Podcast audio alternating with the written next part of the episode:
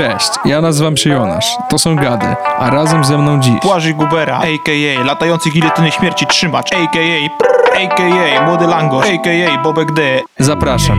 a.k.a. WSZCH, a.k.a. DJ Wszech, a.k.a. Adam W, a.k.a. Maczong. Jeszcze o jednym imieniu zapomniałem. jakim imieniu? I- Naprawdę? Zdążyłeś jeszcze o jakimś zapomnieć? Robercik cyfrowy. Okej, no to w takim razie, z kim mam przyjemność? Nie wiem. Dziękuję, dobranoc. Błażej Gubera. Człowiek, muzyk, legenda. Opowiedz mi o tym. No, jestem od. Jestem za, założycielem i twórcą i sekcją rytmiczną znanego polskiego e, popularnego zespołu. Jak, jaka jest nazwa tego zespołu, który masz na myśli? A nie wiem, czy mogę tak po- powiedzieć. Ale Jesteś moim bratem i to nie jest już tajemnica, pojawiłeś się w paru odcinkach, bo były jakieś wspominki, no i nie wiem, wreszcie się pojawiłeś, więc teraz jest twoje złote, nie wiem ile, i on nasz montażysta, to jest twój czas, żeby powiedzieć nam ile trwał odcinek. Człowieku, to nie jest ten program, w którym ja występuję. Proszę zostawić mnie w spokoju. No, muszę się zastanowić, co, e, co zrobić, żeby nie zawieść oczekiwań słuchaczy, bo tutaj już została e, bardzo, bardzo fajna legenda zbudowana wokół postaci i teraz muszę to jakoś dobrze utrzymać. Mm, myślę, że nie ma jakiejś jednej rzeczy, którą się zajmuję chętnie i nie ma jakiejś takiej mojej ulubionej aktywności. Najwięcej czasu myślę, że poświęcam e, różnym rzeczom e, związanym z muzyką. No, tak jak wspomniałem, gram z tobą w zespole, gram z Jonaszem w zespole i grałem też z Jonaszem kiedyś w innym zespole, który może jeszcze kiedyś za, zaistnieje. Czyli przytoczmy nazwy, bo nie wszyscy wiedzą. Zespół, który teraz istnieje to Destroy Fish, a ten drugi zespół. Hygge. Dobrze. Jeszcze jesteś e, wszechem w tym wszystkim. Znaczy byłeś, jesteś, nie, wiem. Nie, e, Wszech y, został y, rozwiązany albo zawieszony z y, powodów ten, konfliktów personalnych w zespole.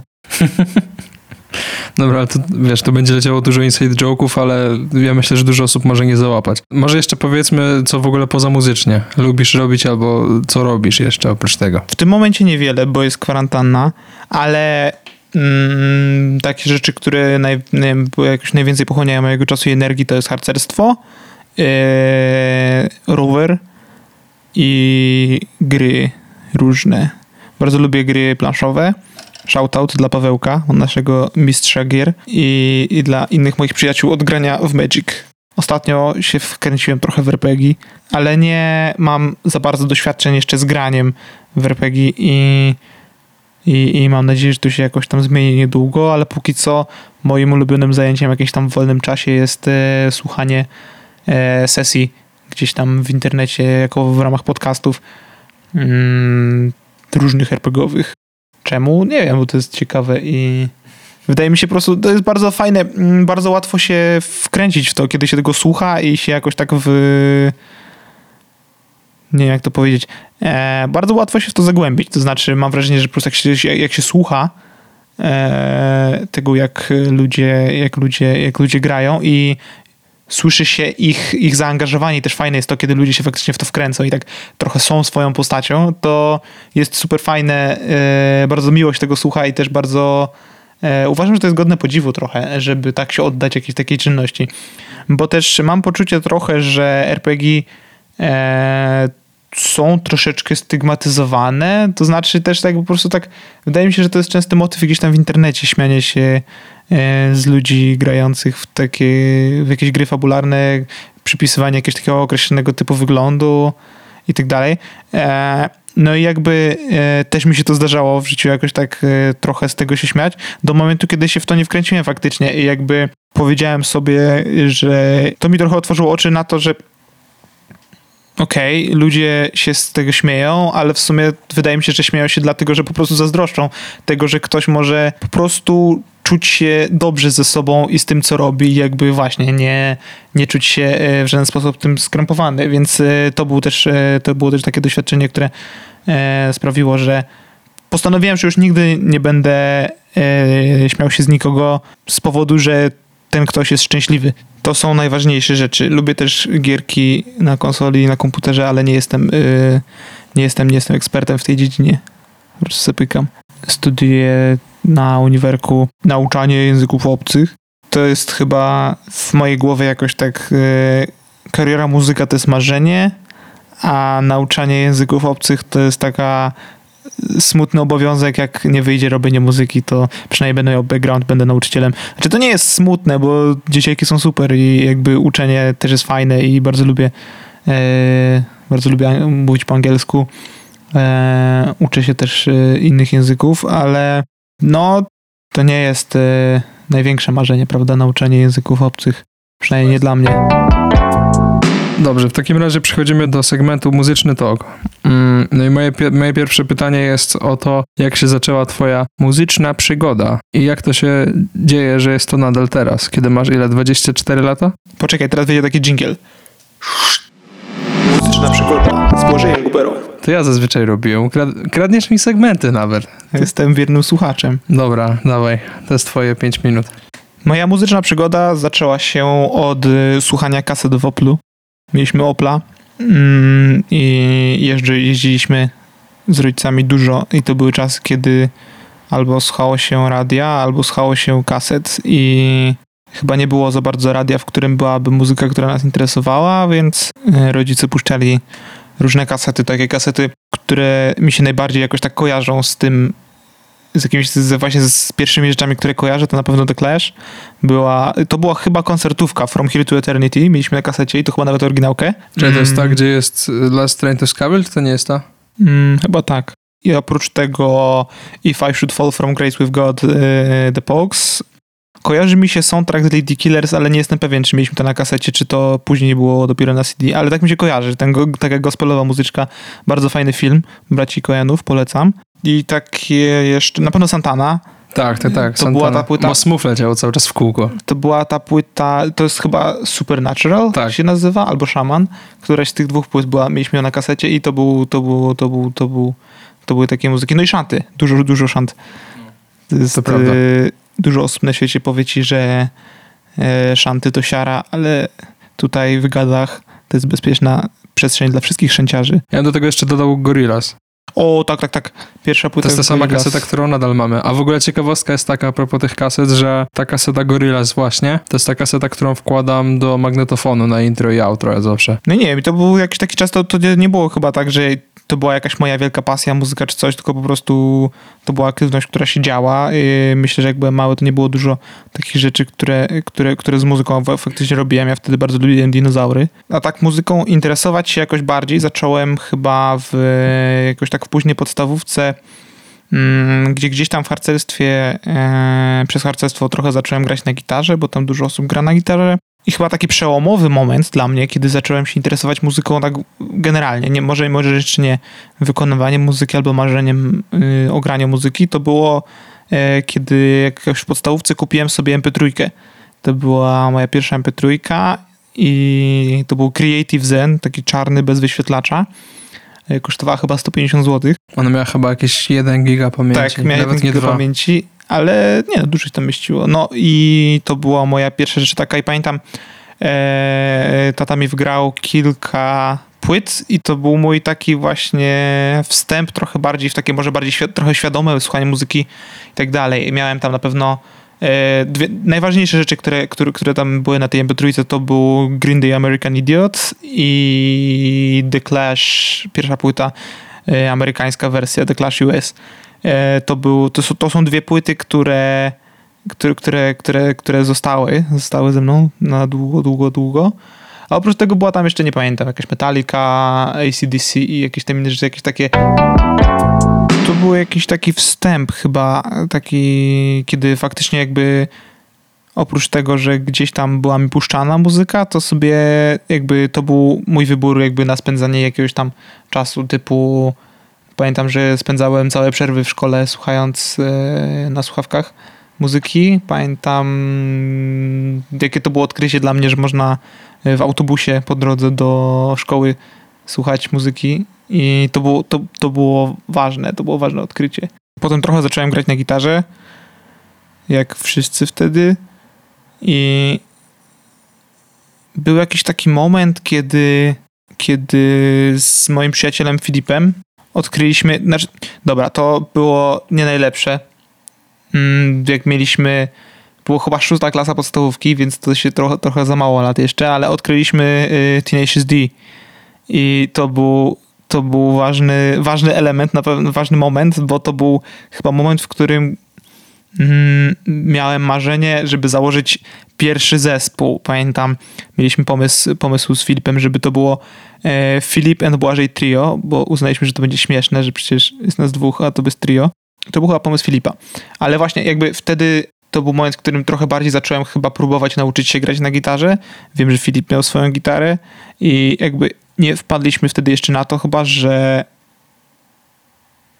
że, że, że, że zespoły to jest są różne instrumenty, w sensie dla nas wtedy to było takie zupełnie naturalne, że po prostu jest, jest nas dwóch i chcielibyśmy ro, robić muzykę i, i, i, w sumie mamy dwie gitary, to chyba styknie i wystarczy. I też trochę, no właśnie, trochę byliśmy zainspirowani tym, że w Tenacious D tak to wyglądało w filmie, e, ale nie polecam, jakby ktoś chciał pokazywać swojemu młodszemu rodzeństwu albo dzieciom, to trochę później to trzeba zrobić.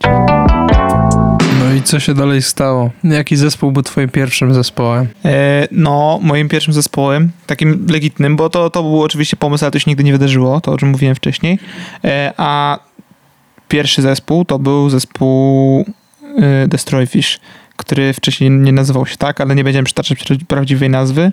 Pierwszej, myślę, że osoba która będzie chciała to wiedzieć, to musi trochę włożyć w to pracę i poszperać. Na, myślę, że na fanpage'u no, nawet gdzieś się może znajdzie e, stara nazwa na jakichś zdjęciach takich albo gdzieś w czułościach YouTube'a zostaną znalezione nagrania. Protip to wyszukać na YouTubie filmu o nazwie koncert.avi kanału Józef Szyja. Shoutout dla Józef Szyja. A to jak się stało, że, że zostałeś dramerem w tym zespole? Jak wyglądał podział ról? Przypomnij mi. Znaczy, generalnie dramerem perkusistą trochę miałem marzenie zostać, yy, bo nie pamiętam, czy to skąd się wzięło, ale w pewnym momencie zaczął strasznie mi się podobać właśnie instrument, perkusja, ale też dla mnie to było jakieś takie zupełnie nierealne, dlatego że widziało się perkusję, nie wiem, w telewizji, w tych różnych jakichś tam jaka to melodia, czy coś na programach. Yy, widziało się w książkach, na przykład pamiętam w książce od angielskiego zawsze była, jak rozdział o instrumentach, była perkusja, ale to było takie nierealne, w sensie realnie nie znałem nikogo, ani nikogo, kto by miał perkusję, ani nikogo, kto znałby kogoś, kto ma perkusję. Jakby to było, nie posiadało się instrumentów za bardzo w moim, w moim, w moim otoczeniu i, i jakby nigdy nie traktowałem tego tak, jakby to coś, coś wykonalnego, ale pamiętam, lubiłem sobie ustawiać pudełka i, i walić w nie pałeczkami od chińszczyzny, e, żeby ten udawać, udawać, że to perkusja. No i jak e, uznaliśmy, że chcemy mieć zespół e, z Jonkiem i z Kacprem, to było tak, że no dla mnie to wtedy było oczywiste, że przecież no już mam te pudełka, to, to ja, ja, ja mogę być perkusistą. To było takie trzy, cztery i, no i było, było, było klepane. No, a potem się okazało, że dla Kacpra nie ma roli i była, i była taka mistyczna, jakby mistyczna mistyczny termin basista. Jakby nikt z nas nie wiedział, jakby czym właściwie zajmuje się basista. Nikt basista miał gitarę, ale dlaczego? Tak, ale nie wiedzieliśmy, co, że, że jest coś takiego jak gitara basowa wtedy jeszcze i generalnie, no to y, też należy zaznaczyć, no chłopaki myśmy mieli po 9 lat, to ja miałem, mogłem mieć z 11. No to jak ty miałeś 11, my 9, to ja się w ogóle nie dziwię, nawet się, no nawet się dziwię, że to się stało. Właśnie mi się wydaje to ciekawe, że y, mało jest osób, które jakąś zabawę z dzieciństwa ciągną tak długo. W sensie znam ludzi, którzy ciągną jedną sesję RPG od 10 lat, spotykają się co jakiś czas i, i, i, grają dalej. Uważam, że to jest super. No to jest imponujące. Ale no właśnie, no to jest to, to, za co jestem wdzięczny i to, co mi się bardzo podoba, to jest to, że, że to się dzieje dalej i że mam okazję. No wiadomo, to nie jest. Yy to nie jest, to nie jest, to nie jest pewnie dla, dla nikogo innego tak dużo jak dla mnie ten, ten, ten zespół znaczy i to, że on dalej istnieje i że w ogóle funkcjonuje, nie, nie, nie, nie ma go w radio, więc jakby mało kto o nim wie, ale dla mnie to jest mega ważne, że to się dalej dzieje i że, że mam okazję właśnie się jakoś tam rozwijać. No tak jak powiedzieliśmy, mieliśmy wtedy 9 i 11 lat, bo między nami jest ta różnica dwóch lat.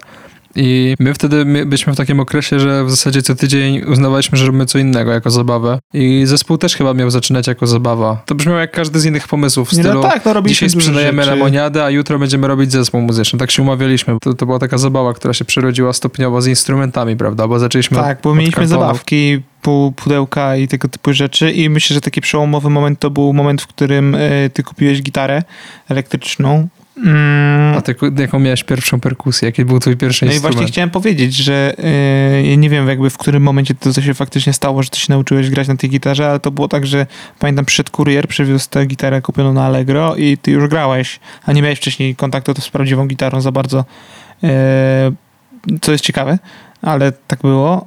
Mm, no i co? No i ja zaraz po tym kupiłem swoją pierwszą perkusję na Allegro za 350 zł. Uwaga, po, powtórzę to jeszcze raz. 350 zł! Dla osób niewtajemniczonych, jeżeli chcecie kupić cokolwiek do perkusji za taką kasę, to e, nie wiem, to myślę, że może parę śrubek się da kupić, bo wszystko jest cholernie drogie i to jest, jak chcecie być perkusistą, a nie macie budżetu, to się zastanówcie dobrze i, i Dlatego my dalej nie jeździmy bez stołka na sety.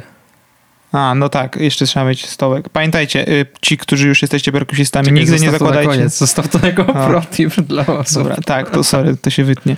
E, Fakt, że mnie słyszycie oznacza, że zapomnieliśmy oczywiście powiedzieć to na końcu. To, co Błażej chciał powiedzieć, to, że lepiej nie zakładać, że inni perkusiści, z którymi gracie koncert, wezmą na niego swój stołek. Moja pierwsza perkusja kupiona za 350 zł na Allegro.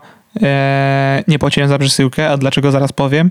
E, Polmus to jest e, rok, wydaje mi się, że to jest 1956 albo 57 jest na centralce taka metka z, z datą.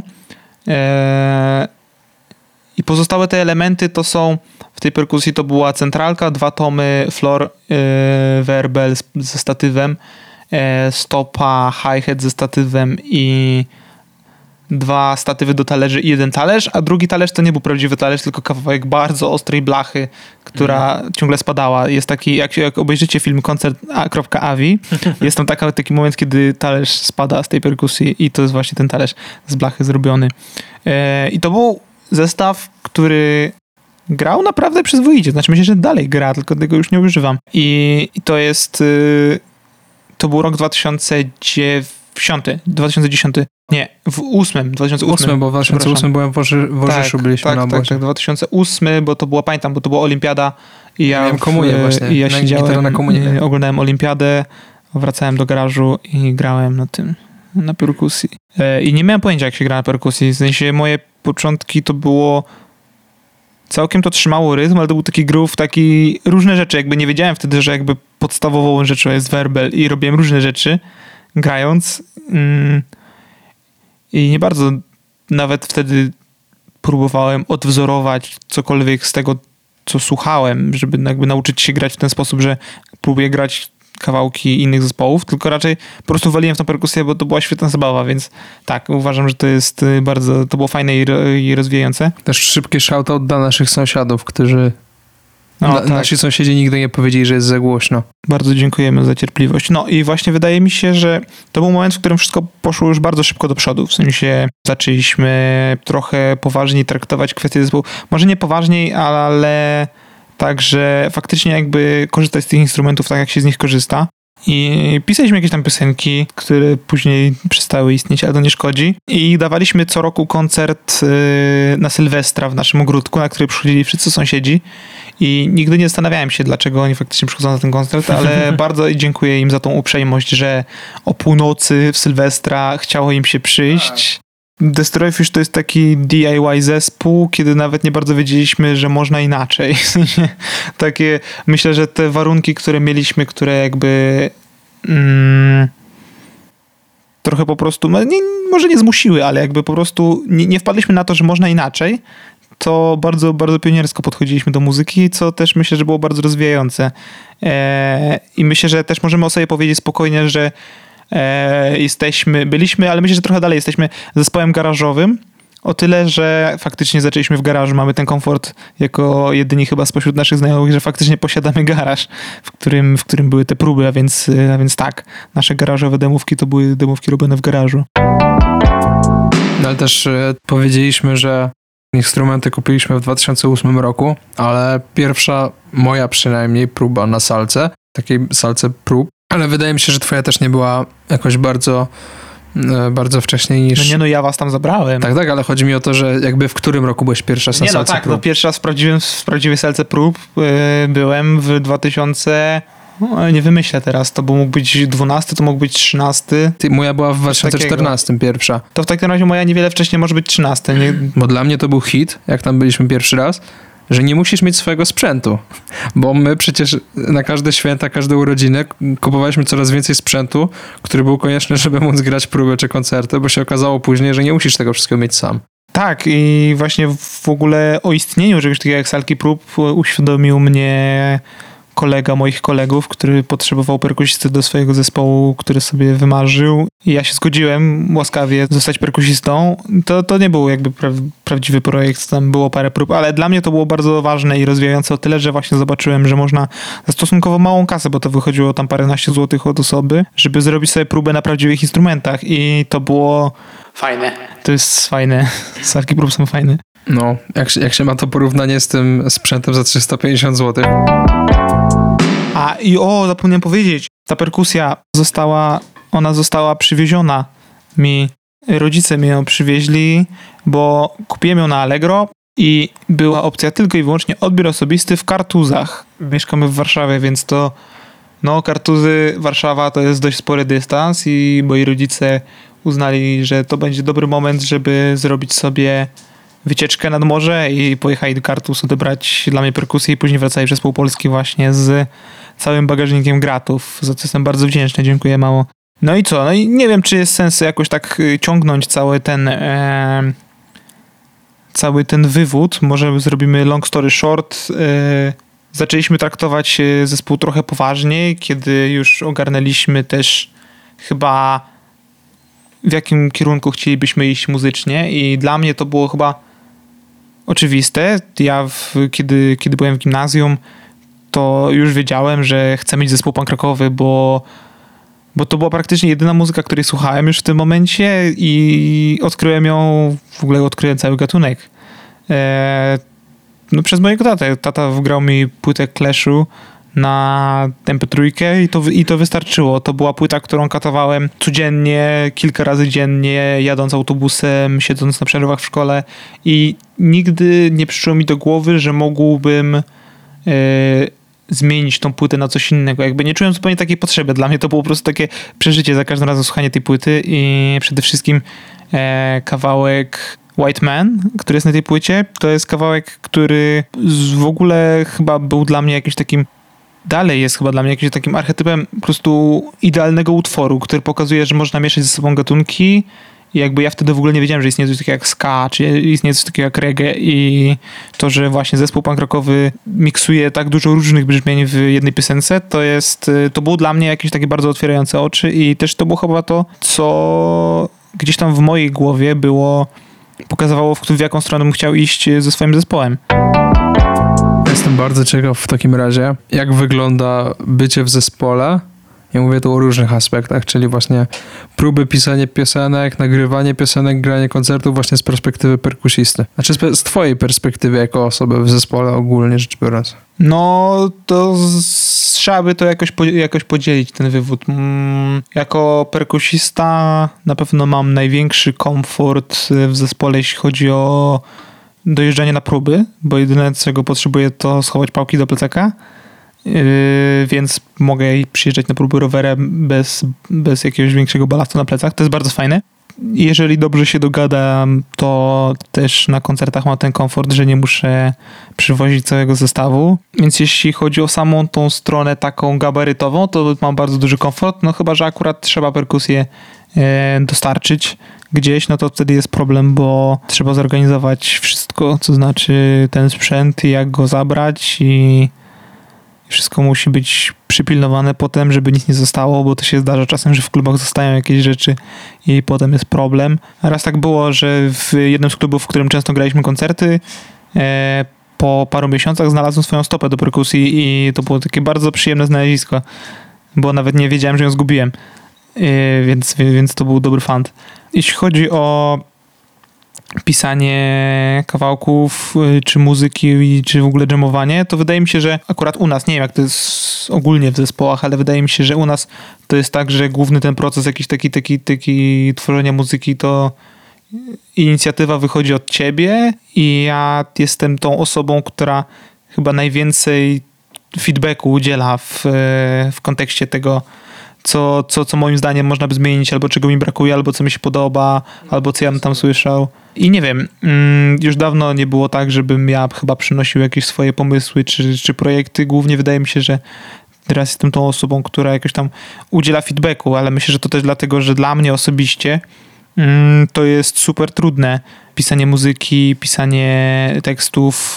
Y, ja chyba nie potrafię robić tego sam, tylko bardziej właśnie dla mnie to jest y, ten ten moment y, grupowy, kiedy jakoś tak sobie dżemujemy, siedzimy na próbie, albo mam w głowie jakieś tam na przykład intro na perkusji, które uważam, że byłoby fajne w kawałku i potem jakoś dookoła tego zaczynam budować, więc dla mnie chyba najważniejsze w pisaniu kawałków jest właśnie ten ten moment zbiorowy, kiedy nawet jeżeli ktoś przyniósł e, na próbę projekt kawałka, który byśmy chcieli robić, to, to i tak ewoluuje między nami, każdy coś od siebie dołoży albo albo coś się zmieni. Tak, tak, no właśnie to, że wiesz, ja wymyślam jakąś bazę na kawałek, czy nawet zrobię demo z perkusją, co nawet pokazał nam ostatni koncert, jak graliśmy na koniec lipca, to nawet jak sobie zrobię jakąś piosenkę, to ja wiem, że ona później będzie ewoluowała przez to, że się tam pojawi między nami. I też właśnie wydaje mi się, że przez to, że my tyle czasu już gramy razem, to pewnych rzeczy nie musimy mówić, bo pewne rzeczy są dla nas oczywiste, że potem chcemy, żeby pojawiło się to i tak dalej. No, to jest też problem, przynajmniej dla mnie. Mam akurat dużo pomysłów różnych muzycznych, które chciałbym jakoś tam realizować, ale e, nie można wszystkiego robić razem i nie można tego wszystkiego robić w tym samym zestawie osób, a wydaje mi się, że znam akurat e, mało, nie jestem jakiś bardzo mm, zagłębiony w żadne takie środowisko muzyczne, więc nie znam za bardzo innych osób, z którymi mogłem robić różne rzeczy, więc, e, więc to jest problem później, kiedy się chce, chce coś robić i trzeba znaleźć kogoś nowego, bo też Jonasz miał pomysł na inną muzykę, która za bardzo do DS nie pasowała i uznał, że założy nowy zespół, no to się okazało, że druga gitara jest potrzebna, mm, że Kajtek nie bardzo miał wtedy czas. Pozdrawiam Kajtek, Abram. No to też skończyliśmy razem w tym zespole i to też myślę, że to też ta dynamika w Hygge była zabawna, bo to było bracia i bracia.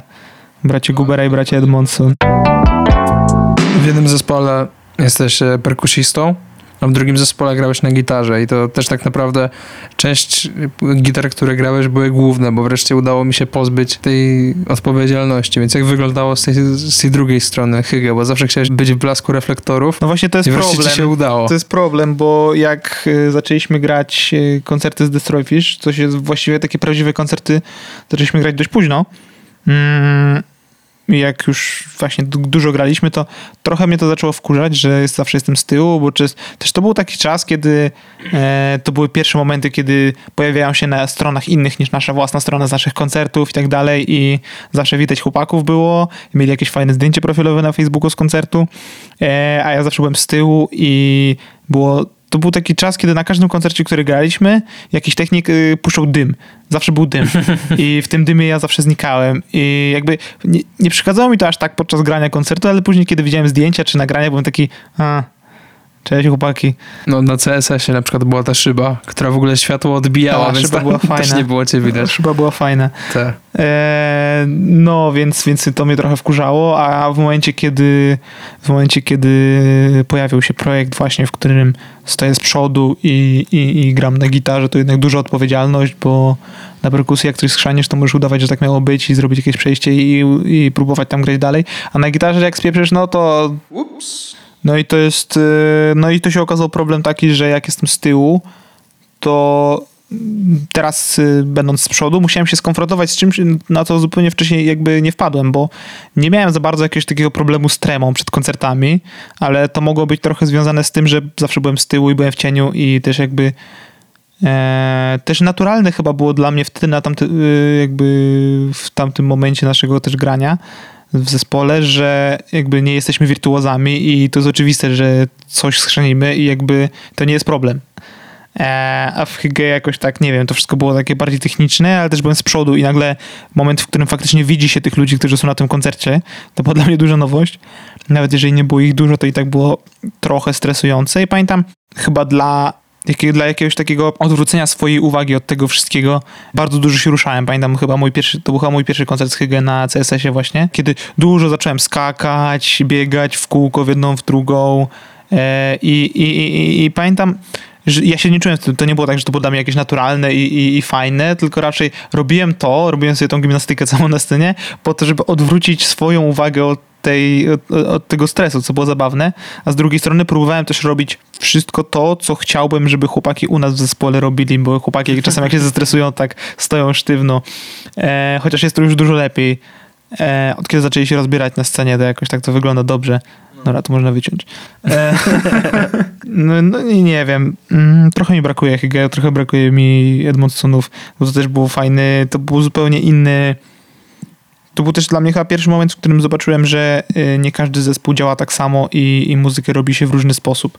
Pamiętam e, pierwsze kawałki z Destroyfish, które robiliśmy tam na, ten, na tą demówkę z 2014, która jest na naszym bandcampie.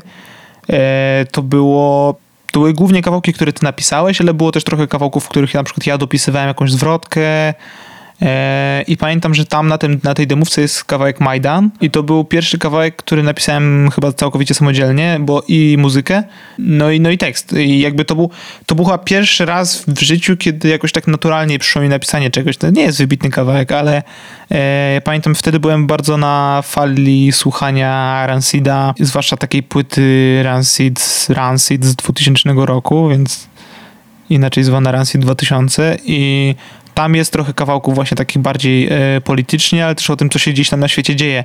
I że jakby nie do końca musisz, i jakby tam jest taki kawałek Rwanda e, o tym, co się działo w Rwandzie w 94. I, i, I dla mnie to był jakiś taki, ten kawałek mnie chyba nauczył tego, że jakby nie musisz być z tego miejsca, albo nie musisz widzieć tego na własne oczy, żeby jakby napisać kawałek o tym, co czujesz w związku z tym, co, co widzisz albo co słyszysz, co wiesz, że się wydarzyło. E, no i wtedy to było wszystko to, co się działo na Ukrainie, to było w Ukrainie, przepraszam. E, to było straszne i dla mnie to było w ogóle jakieś takie przerażające, że taki przerażające, trochę budujące, że, że, że było tylu ludzi, którzy wreszcie odważyli się jakby wyjść i powiedzieć coś i że to się dzieje tak blisko. Bo to myśmy, ja pamiętam, że dużo z nas, e, w, jakby w towarzystwie moich znajomych, dużo osób przeżywało bardzo to, co się dzieje na Majdanie i, i, i, że to właśnie napisanie tego kawałka jakoś tak było, dla mnie to było jakieś takie fajne poczucie, że, że, że mogę zrobić coś, co przynajmniej dla mnie i dla moich kolegów, koleżanek e, e, coś, coś znaczy albo zwraca na coś uwagę. Powiedziałeś, że odkryłeś, że można tworzyć w inny sposób z kimś. I też powiedziałeś wcześniej, że ty raczej sam nie jesteś w stanie pisać, że z kimś potrzebujesz pisać, żeby poczuć, że tworzysz. Więc teraz moje pytanie jest o wyszychy. Wszech co to było przede wszystkim? Opowiedzmy ludziom, którzy miałem, nie wiedzą. Miałem pomysł i miałem gitarę akustyczną i napisałem parę piosenek, które które yy, które były śpiewane. To był czas, kiedy jakoś słuchałem dużo muzyki, która była może nie do końca safe for work, bo oprócz tego, że słuchałem dużo horror punku, Misfits i różnych pokrewnych zespołów, to też odkryłem, że jest zespół Cancer Slug, który jest, oprócz tego, że jest bardzo wulgarny, to jeszcze o to, czym robi kawałki, co to jest strasznie niecenzuralne i to jest w ogóle trochę straszne, ale z drugiej strony to było bardzo intrygujące, ale też mm, jakoś naprawdę dobrze słuchało się tego zespołu wtedy. I jakoś tak to był dla mnie moment, w którym uznałem, że y, robienie śmiesznych rzeczy jakby że, jakby, że robienie muzyki to też może być y, za, zabawa i śmieszna rzecz, jakby, że i, na, I, nawet nie myślałem o tym w kategorii żadnego projektu muzycznego czy zespołu. Po prostu było tak chyba, że nagrałem e, parę kawałków, które puściłem do internetu. Oprócz tego zrobiłem e, cover Danziga jeden z, i to wszystko było ja i moja gitara akustyczna i jakieś dziwne efekty z GarageBanda na iPhone'ie, bo nagrywałem to wszystko w telefonie. E, I to jakoś tak wyszło, że pojawiła się okazja kiedyś e, mieliśmy koncert e, z paroma innymi zespołami, ale brakowało jakiegoś tam supportu czy czegoś takiego.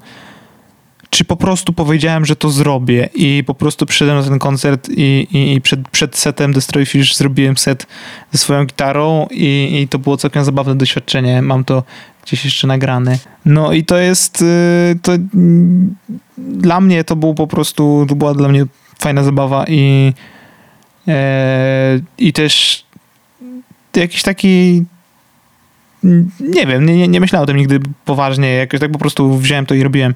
E, bo nazwa Wszech to jest w ogóle, e, to już jest kolejna ewolucja nazwy, bo najpierw e, to był mój jednoosobowy zespół, który się nazywał Błażej i Wszechświaty, potem po prostu Wszechświaty, a potem uznałem, że musi być młodzieżowo, więc skrócę do wy, wyższych i, i tak, tak, to, tak to wyszło. A, te, a potem, no właśnie, musiałem parę lat temu e, po konfliktach personalnych wewnątrz zespołu musiałem go rozwiązać i, i póki co nie funkcjonuje, ale, e, ale funkcjonuje e, DJ Wszech, który czasami kolaboruje z Tasakiem. Shoutout Tasak. To jest ta różnica między nami, o ile mamy podobny gust i, i tworzymy podobne rzeczy, a nawet te same, bo gramy razem w zespole, to jest ta różnica w podejściu, która polega na tym, że ty jesteś w stanie w jakiś sposób stworzyć coś, co nie jest na poważnie i się pod tym podpisać, a ja nie i chcę o tym posłuchać. Jak, jak, to, jak, jak to się dzieje, że możesz stworzyć muzykę, która jest śmieszna, a później jakby zupełnie ona po prostu jest. No wydaje mi się, że przede wszystkim ważne jest chyba dlaczego robisz muzykę, w sensie czy robisz muzykę dla siebie, czy robisz muzykę dla kogoś, bo myślę, że gdybym robił muzykę dla kogoś, to znaczy z myślą o e, odbiorcy, to na pewno chce się bardziej do tego podejść poważnie, ale jeżeli myślę, że jeżeli twoją motywacją jest po prostu zrobić kawałki, które masz w głowie, które wydają ci się śmieszne, a też dla ciebie ważne jest w życiu, żeby było śmiesznie, no to e, dużo łatwiej jest zrobić coś takiego i no nie wiem, jeżeli mnie pytasz, to, to ja bym powiedział, że właśnie nie, nie, nie myśleć o tym, jakby kim jest odbiorca, tylko raczej robić to po to, żeby znaczy, jeżeli, może inaczej, jeżeli czujesz potrzebę zrobić coś śmiesznego, to, to, to możesz to zrobić. Nie, I... bo ja mówię poważnie, ja na przykład nie jestem w stanie, nie umiem się do tego sprowadzić. To chyba kwestia dystansu, w sensie też może takiego poczucia, że przynajmniej u mnie tak było, że ja czułem, że to jakby to nie jest celem nie jest zrobienie dobrej muzyki. To nigdy Mhm. nie miała być dobra muzyka. To miała być muzyka to była tak naprawdę tylko, tylko platforma, w sensie do opowiedzenia żartu. Okej, rozumiem. I, a co do Tasaka, ja akurat e, Tasaka traktuję bardzo poważnie. E, więc, więc pozdrawiam cię, Tasaku. Mm, planujemy od bardzo dawna e, kolaborację e, jakąś taką już, już, już na, w, w większym formacie, bo na razie to było tam, mieliśmy tam parę wspólnych koncertów, ale bardzo chciałbym właśnie jakoś tak zająć się poważnie robieniem bitów już takich, żeby, e, żeby Tasakowi już się zająć produkcją e, e, dla Tasaka, ale to jeszcze, e, jeszcze się nie dzieje, więc musi się poczekać jeszcze trochę. Dobra, mówisz o produkcji na komputerku, e, więc moje pytanie jest, ile instrumentów, na których grasz, jesteś w stanie wymienić? Jakie to byłyby instrumenty? Których gram, Umiesz grać. Nawet jakby ktoś chciał, żebyś mu zagrał po prostu cokolwiek, i żebyś się poczuł, że umiesz. Mm, Myślę, że może być ich bardzo dużo, tylko jeszcze o tym nie wiem, bo jeszcze ich nie dotykałem. Ale e, bardzo lubię instrumenty w ogóle. E, na pewno najwięcej e, to, to, to mam kontaktu z perkusją i z gitarą, bo, bo tak. Mm, gitara basowa to jest instrument, na którym moim zdaniem najłatwiej się komponuje muzykę. I to jest no to jest taka gitara, tylko prostsza w zasadzie. Mm, więc to jest, to jest to. E, no, jeszcze grałem trochę kiedyś na harmonijce. E, gram trochę na mandolinie. No, znam parę chwytów na ukulele, ale jakby nigdy nie, jakby nie próbowałem się nigdy tego nauczyć. Jakby nie, też nie czułem potrzeby ani ochoty. Nie bardzo lubię ukulele. Próbowałem e, jakoś ogarnąć skrzypce, ale to jest chyba dla mnie trochę za trudne, na razie przynajmniej. E, bo myślałem, że no jak strój jest taki sam strun jak w mandolinie, to, to, to w sumie będzie podobnie, ale to jest instrument jednak bardzo taki, który wymaga dużo techniki, żeby w ogóle żeby w ogóle wydobyć, e, wydobyć e, dźwięk. No od najgrubszej to masz GDAE, struny, czyli- tak jak w mandolinie. No, a, próbowałem pograć na akordeonie, ale to ci, którzy tam byli, wiedzą, że to nie jest instrument dla mnie. E, nie wiem, to, to chyba tyle. Nie wiem, czy ty masz coś jeszcze... Zastanawiam się. Nie wiem, czy kiedyś miałem w rękach jakiś inny instrument jeszcze. A, e, pianino. Uczyłem się grać na pianinie, jak byłem mały, ale nie poszło to nigdy nigdzie dalej. Ja tylko wiem, gdzie są jakie dźwięki, ale nie potrafię za bardzo. E, No to wiesz, to, to jest tak naprawdę, jak rzeczy. zaczniesz się uczyć produkcji na kompie, to bardzo szybko nauczysz się przy okazji podstawy gry na klawiszach, więc to kwestia czasu, myślę. Powiedzieliśmy o jednej ważnej rzeczy, że ty jesteś leworęczny. nie wiem, czy to jest bardzo ważne. Ale ja myślę, że to jest dosyć ważne, bo na secie perkusyjnym i na gitarze grałeś zawsze w ustawieniu praworęcznym. Mm, No tak, no z byciem leworęcznym jest tak, że mm, na dobrą sprawę i tak w końcu musisz się nauczyć robić wszystko tak, jak robią praworęczni, bo wszystko na świecie jest dostosowane do praworęcznych i jakby nie uważam tego za dyskryminację, tylko ktoś kiedyś nie pomyślał, no i później tak jest. Sensie są oczywiście instrumenty leworęczne, są różne inne fajne rzeczy dla leworęcznych. Pamiętam, miałem przez całą e, swoją szkołę nożyczki leworęczne, co bardzo ułatwiało cięcie różnych rzeczy. E, no ale jest trochę tak, że to nie są te bardzo łatwo dostępne rzeczy, przynajmniej dla mnie nie były w tamtym momencie i tak wyszło, że po prostu dla własnego komfortu, dla, dla, dla, dla ułatwienia sobie życia po prostu zacząłem grać na gitarze tak jak wszyscy. Znaczy zaczynałem od gitary leworęcznej faktycznie, ale bardzo szybko yy, kiedy poszedłem do sklepu kupić sobie pierwszą porządną gitarę, to chciałem kupić yy, sobie gitarę elektroklasyczną, a jedyna gitara elektroklasyczna w tym sklepie to była gitara z wycięciem takim jak pod praworęczne granie, więc, y, więc tak zacząłem grać i, i bardzo szybko mi to przyszło zupełnie naturalnie i, i później już zostałem grając, e, e, grając na praworęcznej gitarze. E, Na perkusji nawet nie wiedziałem, że mogę to jakoś inaczej ustawić, to było też dla mnie jakoś tam naturalne, więc po prostu na wszystkich instrumentach oprócz ukulele gram tak jak pra praworęcznie, na ukulele nie, ale to dlatego, że po prostu kiedyś odwrotnie złapałem się, odwrotnie nauczyłem chwytów.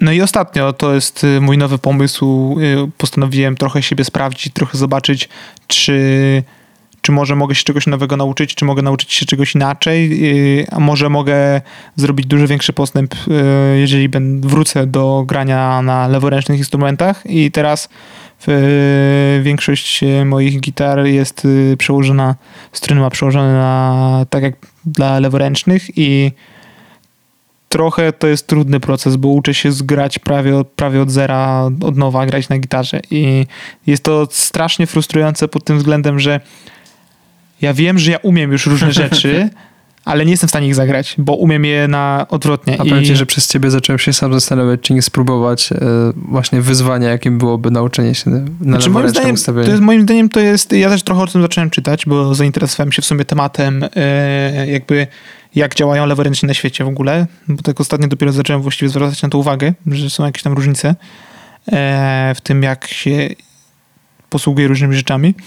I trochę posiedziałem na Reddicie, poczytałem właśnie y, jest w ogóle cały subreddit y, leworęcznych. No i ten Reddit jest bardzo ciekawy i właśnie poczytałem tam o różnych rzeczach właśnie jak y, ludzie piszą, że na przykład odzyskują swoją leworęczność, bo na przykład, tylko to są ludzie dużo starsi ode mnie, którzy w szkole na przykład musieli się nauczyć wszystkiego praworęcznie, bo nie było takiej opcji. Na przykład nauczyciel kazał im pisać praworęcznie i tak dalej i, i, i dopiero teraz jak są, jak są dorośli, to, to jakoś tam y, wracają do tego i, i to może nie być łatwe, ale jest to gdzieś jakiś taki trochę, dla mnie przynajmniej, to jest jakiś taki trochę psychiczny komfort, że trochę robię to w zgodzie ze sobą, a trochę jest też tak, że jak obróciłem sobie gitarę, to nagle y, no całkiem to fajnie i zabawnie wygląda, bo te wszystkie pokrętła i przełączniki są na górze. W sumie tak. I wbrew pozorom właśnie ja się na początku zastanawiałem, czy to nie będzie przeszkadzać, nie będę, nie będę o to zahaczał ręką i tak dalej, to w ogóle nie ma e, problemu z tym. Więc jeżeli ktoś Mhm. jest leworęczny i chciałby zacząć uczyć się na instrumencie, a nie ma leworęcznego, to praworęczny jak najbardziej będzie działał, wystarczy obrócić struny i jest ok. Dobrze, czas trochę zawęzić i ukierunkować naszą rozmowę. E, czy jakieś ciężkie momenty w temacie muzyki, zespołów, podejścia do muzyki? Dużo myślę, że było takich ciężkich momentów. Y, Zawsze, myślę, że zawsze kiedy mamy zastój w naszym zespole, bo życie prywatne bierze górę, to dla mnie to są ciężkie momenty, bo jakoś tak wydaje mi się, że to jest y, jedna z najważniejszych, jakby jeden z najważniejszych aspektów w moim życiu właśnie y, granie, robienie muzyki, nawet jeżeli to jest dla mnie, nie dla innych, to to, to jest mi potrzebne właśnie, żeby jakoś tam to e, e, e, ten dobry nastrój utrzymywać. Mm, więc, więc pod tym względem to myślę, że każdy taki moment, kiedy mamy zastój jest trudny. E, ale tak e, może tak bardziej kreatywnie, to bardzo dobry czas dla mnie to było Hy- Hygge, kiedy kiedy mm, czułem, że mam bardzo duży wpływ w to, jak właśnie jak tą muzykę robimy i co, co, jaki jest wynik, jaki jest efekt tej muzyki. A potem mm, jak Hygge zaczęło zwalniać, to to był jakiś taki no wtedy trochę było tak, że e, e, nie, nie wiedziałem za bardzo, jak to będzie z Destroyfish, nie wiedziałem, jak to będzie z Hygge. Jakoś tak nie wiedziałem za bardzo, jak to wszystko będzie działać. Miałem taki moment, kiedy myślałem nad studiami za granicą. Mm, I wtedy się zastanawiałem, czy to będzie właśnie ten moment, kiedy uznam, że e, to jest, e, że, po prostu zostawię tutaj w Warszawie wszystko, co wszystko, co, co, co, co, mam i, pojadę sobie studiować i wtedy no, nie, nie będzie raczej mowy o, o robieniu muzyki e, tam na miejscu, więc takie momenty, ale tak najczęściej e, ciężki moment mam chyba, kiedy widzę, że ktoś spośród ludzi, których znam, albo znałem, albo kojarzę skądś, może nawet z bardzo dalekich e, kręgów, mm, osiąga jakieś takie sukcesy muzycznie, a ja czuję, że, yy, że nie wiem, że dla, że dla mnie to jest niewykonalne. Mam bardzo dużo takich myśli, że, e, że i tak e, nie osiągnę tego, co, e, co inni osiągnęli. Więc może to nawet nie chodzi o porównywanie się, jeśli chodzi o taki e, talent, ale no, no trochę im zazdroszczę, no nie będę kłamał. E, no, ale, ale tak naprawdę bardzo się cieszę za wszystkich, którym, e, którym wychodzi i którzy dają radę właśnie jakoś tam e, wyjść gdzieś szerzej, e, żeby ich muzyka była słyszalna. To jest fajne. E, ale nie, no myślę, że, że, że wszystko jest do zrobienia. Nie wiem, miałeś tak, że miałeś dosyć robienia muzyki? Tak po prostu dosyć. Mm, nie, nie bardzo. Znaczy, były momenty, kiedy może czułem, że trochę gatunkowo ta muzyka, którą wykonujemy, e, trochę rozbiega się z tym, co ja bym chciał robić, albo to, czym akurat się bardziej fascynuję, ale nie wiem. E, mam takie momenty, kiedy czuję, że takie rzeczy bardzo mi się kłócą i bardzo mi to przeszkadza. Są momenty jakieś, nie wiem, to potrafi być 5 minut, to potrafi być parę miesięcy później, kiedy zapominam o tym, że miałem taki problem i po Mhm. prostu, po prostu dalej jest okej. E, Więc nie wiem, ale myślę, że dobrze jest, jeżeli chcecie odwrócić, odwrócić uwagę od, od, od, od projektu, który was wkurza, to jest e, zająć się innym projektem. Ja myślę, że to jest, e, że to jest fajne i wartościowe. Ja na przykład teraz mam dużo pomysłów e, na muzykę, którą chciałbym robić, ale nie bardzo czuję, żebym jeszcze potrafił takie rzeczy robić, bo ostatnio jakoś bardziej zacząłem się interesować hip-hopem i, i, i to nie jest to, że teraz zacznę rapować, ale bardzo chciałbym się nauczyć produkcji i tego, jak to się wszystko robi i, i to jest chyba coś, czemu teraz dużo czasu poświęcam. Jakoś tak oglądam tutoriale w internecie i też trochę czytam, ale też głównie po prostu siedzę z programem i jakoś tam próbuję go rozgryźć dla siebie. No właśnie chciałem też spytać o to, mm, że robienie jakiegoś gatunku, a słuchanie jakiegoś gatunku, bo twój fachlarz się nie, nie kończy na punkt. Nie, no ja słucham każdej muzyki. Bardzo lubię przeróżne, w sensie wszystko tak naprawdę e, wszędzie gdzieś tam potrafię znaleźć coś dla siebie. To znaczy akurat nie znam się w ogóle na elektronice i jakoś e, to, to jest dal, daleko od tego, co ja eksploruję jakoś tam muzycznie, bo do niedawna jakoś dla mnie najważniejsze w muzyce było to, żeby e, byli muzycy, którzy wykonują muzykę na instrumentach, ale ostatnio jakoś tak to przełamuję tą barierę i jakoś tak też zaczynam poznawać właśnie jakieś hip- hip-hopowe rzeczy. Bardzo podziwiam osoby, które fascynują się techno. Ja nie, jeszcze nie umiem się w to wkręcić za bardzo. Znaczy ja rozumiem, że to gdzieś tam może być fajne e, do imprezowania, ale jakoś tak walory muzyczne to to nie jest po prostu moja, moja bajka do końca. Ale moja, jakbym miał powiedzieć, jaki jest e, mój ulubiony gatunek muzyki, jeżeli da się tak powiedzieć, e, to na pewno naj, przez, przez większość życia bardzo, bardzo ważny jest dla mnie punk rock, ale myślę, że na pierwszym miejscu teraz postawiłbym, e, jest taki fajny termin, muzyka świata. Ba- Bardzo lubię różne e, rzeczy związane właśnie z kulturami e, różnych e, narodów, e, nie tylko narodów, generalnie z różnych miejsc świata i trochę też e, eksperymentowanie z tym, miksowanie tego e, różnych stylów z całego świata, jakieś, e, bo to też bardzo, bardzo szerokie i dziwne instrumentarium wtedy jest grane i to mnie bardzo fascynuje. Z tego miejsca mogę zaprosić jest e, na Spotify taka playlista, która, która się nazywa World Core Get Fact bez spacji. To jest moja playlista na Spotify, można jej posłuchać. E, Ma na razie 23 godziny i 22 minuty. Jezus Maria. E, I tam są różne rzeczy, które właśnie, które lubię i które są jakieś takie ciekawe i są związane w jakiś tam sposób mniej lub bardziej z muzyką świata, z różnych zakątków świata. A, jest też Polka. Jeśli chodzi o inspirację, to co ciebie inspiruje? Na przykład, kiedy masz pomysł na jakąś nutę albo coś takiego. Wydaje mi się, że najbardziej miejsca, to znaczy y, dwie rzeczy. Myślę, że bardzo dużo, duży wpływ ma na mnie muzyka, której słucham i miejsca, w których jestem. To są takie dwie rzeczy, które jakoś tam się razem w mojej głowie łączą, bo też bardzo utożsamiam różne rzeczy z miejscami. Na przykład e, są płyty, które kojarzą mi się z moją wycieczką do Szkocji, bo akurat wtedy ich słuchałem.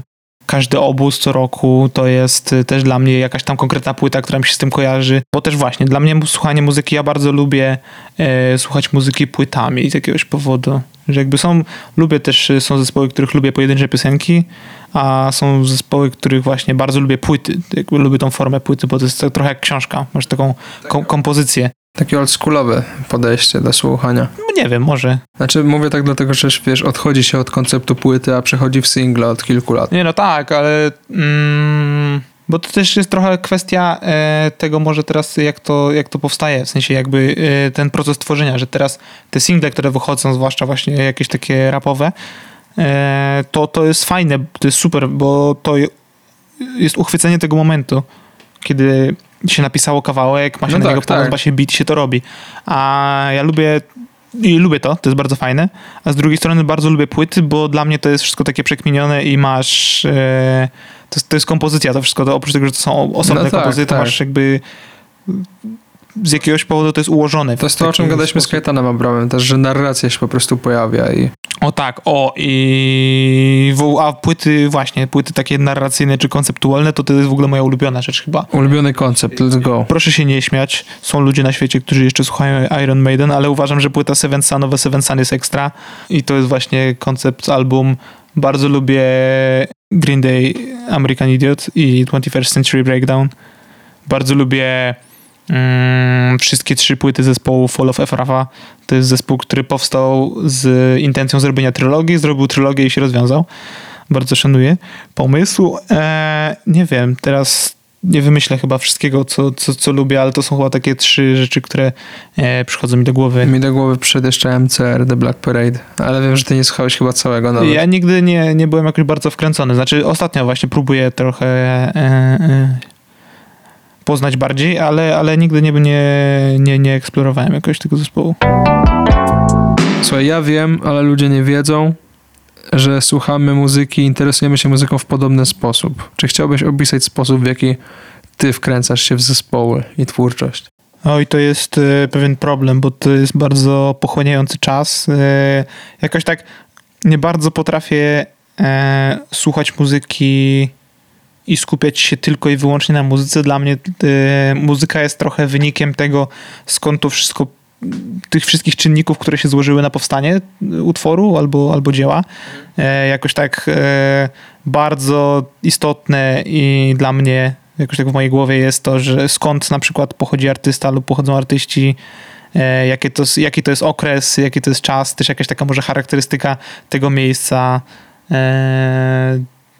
Jakoś tak wszystko to, co się składało, jakoś tak, e, jakieś biografie tych, tych, tych artystów też mnie jakoś tak bardzo interesują, więc też dla mnie to jest niestety bardzo pochłaniające i często nie potrafię skupić się na rzeczach, na których faktycznie powinienem się skupić e, ze względu na studia albo pracę i bardzo szybko uciekam w czytanie różnych biografii i, i śledzenie różnych takich rzeczy. I też dzięki temu, że odkryłem Reddita jakiś czas temu, to mam miejsce, w którym właśnie spędzam jeszcze więcej czasu. Internet to jest wspaniałe miejsce, bo szczerze mówiąc nie wiem, jakby to wyglądało w, mm, dawniej, gdybym, gdybym był w innych czasach, to, to pewnie nie wiedziałbym wie- aż tyle, może też by mnie to aż tak nie interesowało, bo jeśli chodzi o literaturę muzyczną, to jakoś nie mam ba- za bardzo e, chyba wszystko, wszystko, wszystko to jest internet i bardzo lubię zagłębiać się w różnych odmętach internetu, w comment sekcji na YouTubie czy w innych takich rzeczach. Ale też bardzo fajne jest to, że mam znajomych, którzy właśnie podobnie trochę w to wchodzą i czasami pisze y, ktoś do mnie, a to Jonasz, a to, a to Kajtek albo ktoś. Czy wiedziałeś, że? I tu lecą jakieś ciekawe fakty. Kajdetan jest y, dla mnie y, tym takim źródłem ciekawostek o hardkorze. Bardzo dużo. Ja trochę Kajtka wkręciłem w hardcore i teraz Kajtek eksploruje to za mnie. Ja mogę sobie zdjąć z głowy ten obszar muzyczny, bo, bo on, on mi dostarcza ciekawostki, więc to jest fajne. Więc tak jak powiedzieliśmy, jesteś muzykiem w zespole. Jak wygląda życie muzyka w zespole i ile można na tym zarobić? Proszę bardzo. Poczekaj, ale ile może zarobić, czy ile musi dopłacić? No, jeżeli jesteś muzykiem e, w zespole, w który, który nie jest za bardzo znany jeszcze, bo mówię jeszcze, bo, bo, bo, bardzo, bo bardzo marzę o tym, żeby ktoś kiedyś e, e, e, gdzieś to poszło dalej. E, no, to, to jest bardziej hobby, do którego się dopłaca. W sensie musisz e, właśnie wyk- wykładać hajs e, na próby, na paliwo, jeżeli przewozisz sprzęt do, na koncerty i tak dalej. E, zdarza się, że klubom trzeba zapłacić, a nie klub ci płaci za to, że grasz koncert. E, generalnie opłaty są wszędzie, tak jak w życiu, więc to jest bardziej, no, tak jak mówię, hobby, e, do którego się dopłaca, a żeby wejść na ten etap takiego zarabiania muzyki na muzyce, to chyba trzeba. Wydaje mi się, że protip to jest y, umieć, y, umieć przekonać ludzi do tego, że to się sprzeda. Miałem taki okres, kiedy grałem e, z pewnym muzykiem, e, to już można, powiedzmy sesyjnie, to znaczy jakby nie byłem osobą, która brała udział w jakikolwiek e, w tworzeniu tej muzyki, która była wykonywana, tylko Byłeś bardziej... Od, odtwórcą. Tylko byłem tak, e, a nawet nie odtwórcą, po prostu posadzili mnie, powiedzieli, no to graj. Mm, Mhm. No i grałem i to był moment, w którym przez krótki czas to było tak, że to było moje źródło zarobku i wtedy faktycznie zarabiałem jak, jakąś tam kasę, ale to, to też nie było bardzo dużo. Mm, ale to też e, dla mnie osobiście to nie było fajne. To znaczy ja chyba wolę robić rzeczy, które są moje i które mniej lub bardziej ja stworzyłem i mam w nich więcej pola też dla siebie. No więc e, nie wiem, jak to jest zarabiać na muzyce za bardzo. Czy tobie przychodzą do głowy jakieś śmieszne momenty związane właśnie z byciem na scenie w Warszawie? Mój ulubiony śmieszny moment to był chyba, kiedy graliśmy kiedyś koncert w Pogłosie. E, tam za sceną jest taka zasłona i mało kto wie, za tą zasłoną nie ma ściany, tylko jest pusta przestrzeń. Przejście do backstage'u tam jest. No. I e, skończyliśmy kiedyś koncert, ja się tak majtnąłem do tyłu i ten stołek zleciał razem ze mną ze sceny. A faktycznie było tak, że nie wiedzieliśmy, gdzie ty jesteś na koniec koncertu, bo się okazało, że poleciałeś. No, spadłem ze sceny, No, tak. to, to było coś. Co się musi zadziać, żeby z pomysłu wyszedł produkt? W moim przypadku to byłoby, myślę, wyrzeźbienie z tego pomysłu tyle, ile jestem w stanie sam i podanie tego dalej. Jakby ja nie czuję, żeby to był mój jakiś taki obowiązek, ani nie, też nie czuję takiej potrzeby, żeby wszystko całkowicie robić sam. Ja myślę, ja zn- znam swoje możliwości na ten moment yy, i zdolności różne też takie twórcze i wiem, że jeżeli mam jakiś fajny pomysł, a znam ludzi, którzy mogą go fajnie rozszerzyć, to bardzo chętnie pójdę do tych ludzi i do ciebie, Jonasz, albo do często się wymieniam z Kajtkiem też pomysłami i, i to jest jakoś tak, jakoś to, jakoś to idzie dalej. Jeśli ktoś w tym momencie pomyślałby sobie, chciałbym pograć na perkusji, chciałbym się nauczyć, to co byś mu polecił? Mm, No przede wszystkim niech pójdzie sobie postuka, bo to nawet jeżeli e, to jest chyba kwestia trochę oswojenia się z tym, bo to jest dosyć przede wszystkim myślę, że trzeba pójść i posiedzieć przy perkusji i, i postukać po prostu. A gdzie można iść postukać na Jest perkusji? e, dużo, wystarczy wpisać w Google salki prób i wpisać dzielnicę w miasta, w którym się mieszka. W Warszawie jest w praktycznie każdej dzielnicy jest wiele salek prób i większość tych salek prób ma bardzo niskie ceny dla osób, które przychodzą ćwiczyć na perkusji. E, ja myślę, że możemy tutaj reklamować. e, Możemy jak najbardziej zareklamować. No to No Stress, salę prób na Sodybie, bardzo jest tam fajnie. e, Bardzo Pozdrawiamy Filipa z No Pozdrawiamy Stress. cię, Filip. Mm, I tam to jest e, fajne miejsce, w którym można sobie przyjść. E, wystarczy, że tam się, tam na stronie wszystko jest napisane i, i, i po prostu pograć sobie na perkusji. Jedyne, czego potrzebujesz, to pałki, więc pójdź do sklepu muzycznego i kup sobie pałki do perkusji, które kosztują od 15 zł, więc to nie musi być duży wydatek. I idź, postukaj i baw się dobrze. I za jakiś czas to ci zacznie wchodzić. Możesz obejrzeć tutoriale na YouTubie. A jakbyś szukał ludzi, to często w salkach muzycznych, znaczy tak, dobrze mówię? Salka, w, Salkach studi- w studiach muzycznych, salkach prób często ogłaszają się ludzie, którzy szukają innych samotników właśnie, żeby połączyć siły i grać razem w zespole, więc jest duża szansa, że No i są grupki na Facebooku, jest dużo miejsc, w których y, ludzie. Ja pamiętam kiedyś miałem pomysł, chciałem założyć hardkorowy zespół, y, napisałem na tym, o tym na jakiejś grupce i napisało do mnie dwóch ziomków, tylko że byli z, z innego miasta i ja im napisałem i trochę mi to, powiem szczerze, że tak, tak szybko odpowiedź tego, że ludzie byli chętni do robienia czegoś, trochę mnie onieśmieliła, powiedziałem im, e, dobra, to odezwę się za jakiś czas i się nie odezwałem. Mam ich dalej w znajomych na Facebooku. E, trochę żałuję, no ale wiem teraz, że właśnie, że na takich grupkach też można łatwo znaleźć ludzi, którzy są chętni do robienia rzeczy. Można też poznać ludzi. Po prostu.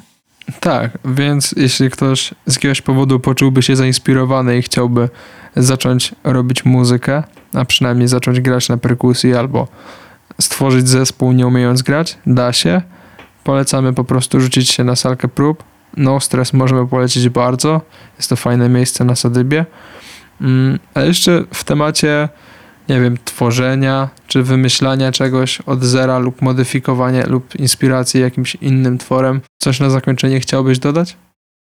Eee, no wydaje mi się, że jeżeli jest y, coś lub ktoś, kto was inspiruje, to to jest fajne, żeby się żeby się po prostu tym inspirować i też można, ja uważam osobiście, że to nie jest szkodliwe, jeżeli, jeżeli się korzysta też z dzieł e, innych artystów, jeżeli to jest robione powiedzmy w hołdzie. Tak, to ja to sobie w, w swojej głowie nazwałem sztukę remiksu, ale nie wiem, czy to się tak nazywa faktycznie. ale na przykład bardzo lubię e, czasem, ja jestem tą osobą, która jest odpowiedzialna za zrobienie plakatu e, na koncert, który gramy. I bardzo lubię inspirować się na przykład jakąś znaną okładką płyty e, i, i przerabiać ją tak, żeby było wiadomo o co chodzi, ale to jednak było, był to plakat e, ogłaszający koncert. Albo bardzo mi się podoba to, co jest na okładce płyty zespołu Rancid and Out Come the Wolves, gdzie jest na okładce postać, która siedzi z głową e, na kolanach i to jest po prostu bezpośrednie nawiązanie do okładki Minor Threat, gdzie też jest postać, która siedzi na schodach z głową na kolanach. Mm, I uważam, że takie nawiązania są super i w muzyce też e, podoba mi się, kiedy na przykład hip-hopowi artyści samplują różne rzeczy. Na przykład jest taka piosenka e, Beastie Boysów, która się nazywa Rhyming and Stealing, która jest e, zrobiona bezpośrednio, po prostu beat to jest e, intro perkusyjne z piosenki Led Zeppelin. E, do tego jest linia basowa z piosenki Black Sabbath i tam w pewnym momencie są też sample wokalne z Clashu. I uważam, że to jest ekstra i, i, ta, i, takie, rzeczy, i takie rzeczy są fajne, więc myślę, że też e, jeżeli ktoś, e, ktoś z was czuje, że chcielibyście remiksować, to ja uważam, że to jest fajne. Tylko warto o tym po, poczytać, na ile to można robić, żeby to nie podchodziło pod plagiat, bo plagiaty są nieeleganckie. Słuchaj, to w takim razie postawmy się w, w tej sytuacji takiej osoby, która na przykład posłucha nas i pomyśli sobie, że granie w zespole jest fajne. My co prawda zaczęliśmy jak mieliśmy bardzo mało lat, ale to absolutnie nie był wiek, w którym ktokolwiek w to wchodzi. To raczej było dziwne. I teraz postawmy się w sytuacji osoby, która jest w naszym wieku i może w sumie granie w zespole jest coś, co chciała robić, ale o tym zapomniała i co byś powiedział takim osobom? Jeżeli to jest coś, co chcecie robić, to to róbcie. To jest e, najważniejsze w robieniu muzyki. Moim przekonaniu jest e, nie to, żeby to komuś się podobało, tylko wam się podobało. Robicie to dla siebie. Jeżeli dotrzecie tym do kogoś jeszcze, to to jest super, ale najważniejsze jest to, żebyście wyczuli się w tym dobrze i to było coś, co, e, co sprawia wam przyjemność. I też e, myślę, że najważniejsze to jest się nie zniechęcać jakby swoim poziomem swoim poziomem zdolności może muzycznych. Dla, ja uważam, że e, to jest absolutnie nieważne, jeżeli się nie umie e, grać na czymś, bo wystarczy wziąć ten instrument do ręki i coś z tego zrobić. Jakby to, to nie muszą być prawdziwe akordy, to nie muszą być e, czyste dźwięki. E, I to jest też to, co chyba e, mnie, mnie dodawało najwięcej odwagi, właśnie próbowanie tych rzeczy i jakoś tak bawienie się tym, bo to jest, to jest zabawa. Przede wszystkim. No. Więc e, w tym miejscu, chyba że chcesz coś jeszcze dodać, Mm, Bądźcie mili dla siebie. No i koncerty, trzeba chodzić na koncerty, to jest e, mój postulat dla wszystkich. w tym miejscu chciałem bardzo podziękować. Wreszcie nam się udało. Zajęło to dużo czasu, ale wreszcie się udało. Także dziękuję bardzo Bożej za udział. Nie, to ja dziękuję. Nie, to ja dziękuję. Nie, to ja dziękuję. Oj, chyba możemy się tak sprzeczać i sprzeczać, ale wiesz, że i tak skończy się na moim. Także podziękowania dla Ciebie, podziękowania dla wszystkich, którzy nas słuchali przez te x czasu. Usłyszymy się jeszcze nie raz, bo jeszcze mamy w planach nagranie czegoś tam. Cześć! Cześć. Ciszej zrób jeszcze. Cześć. To był żart. Cześć!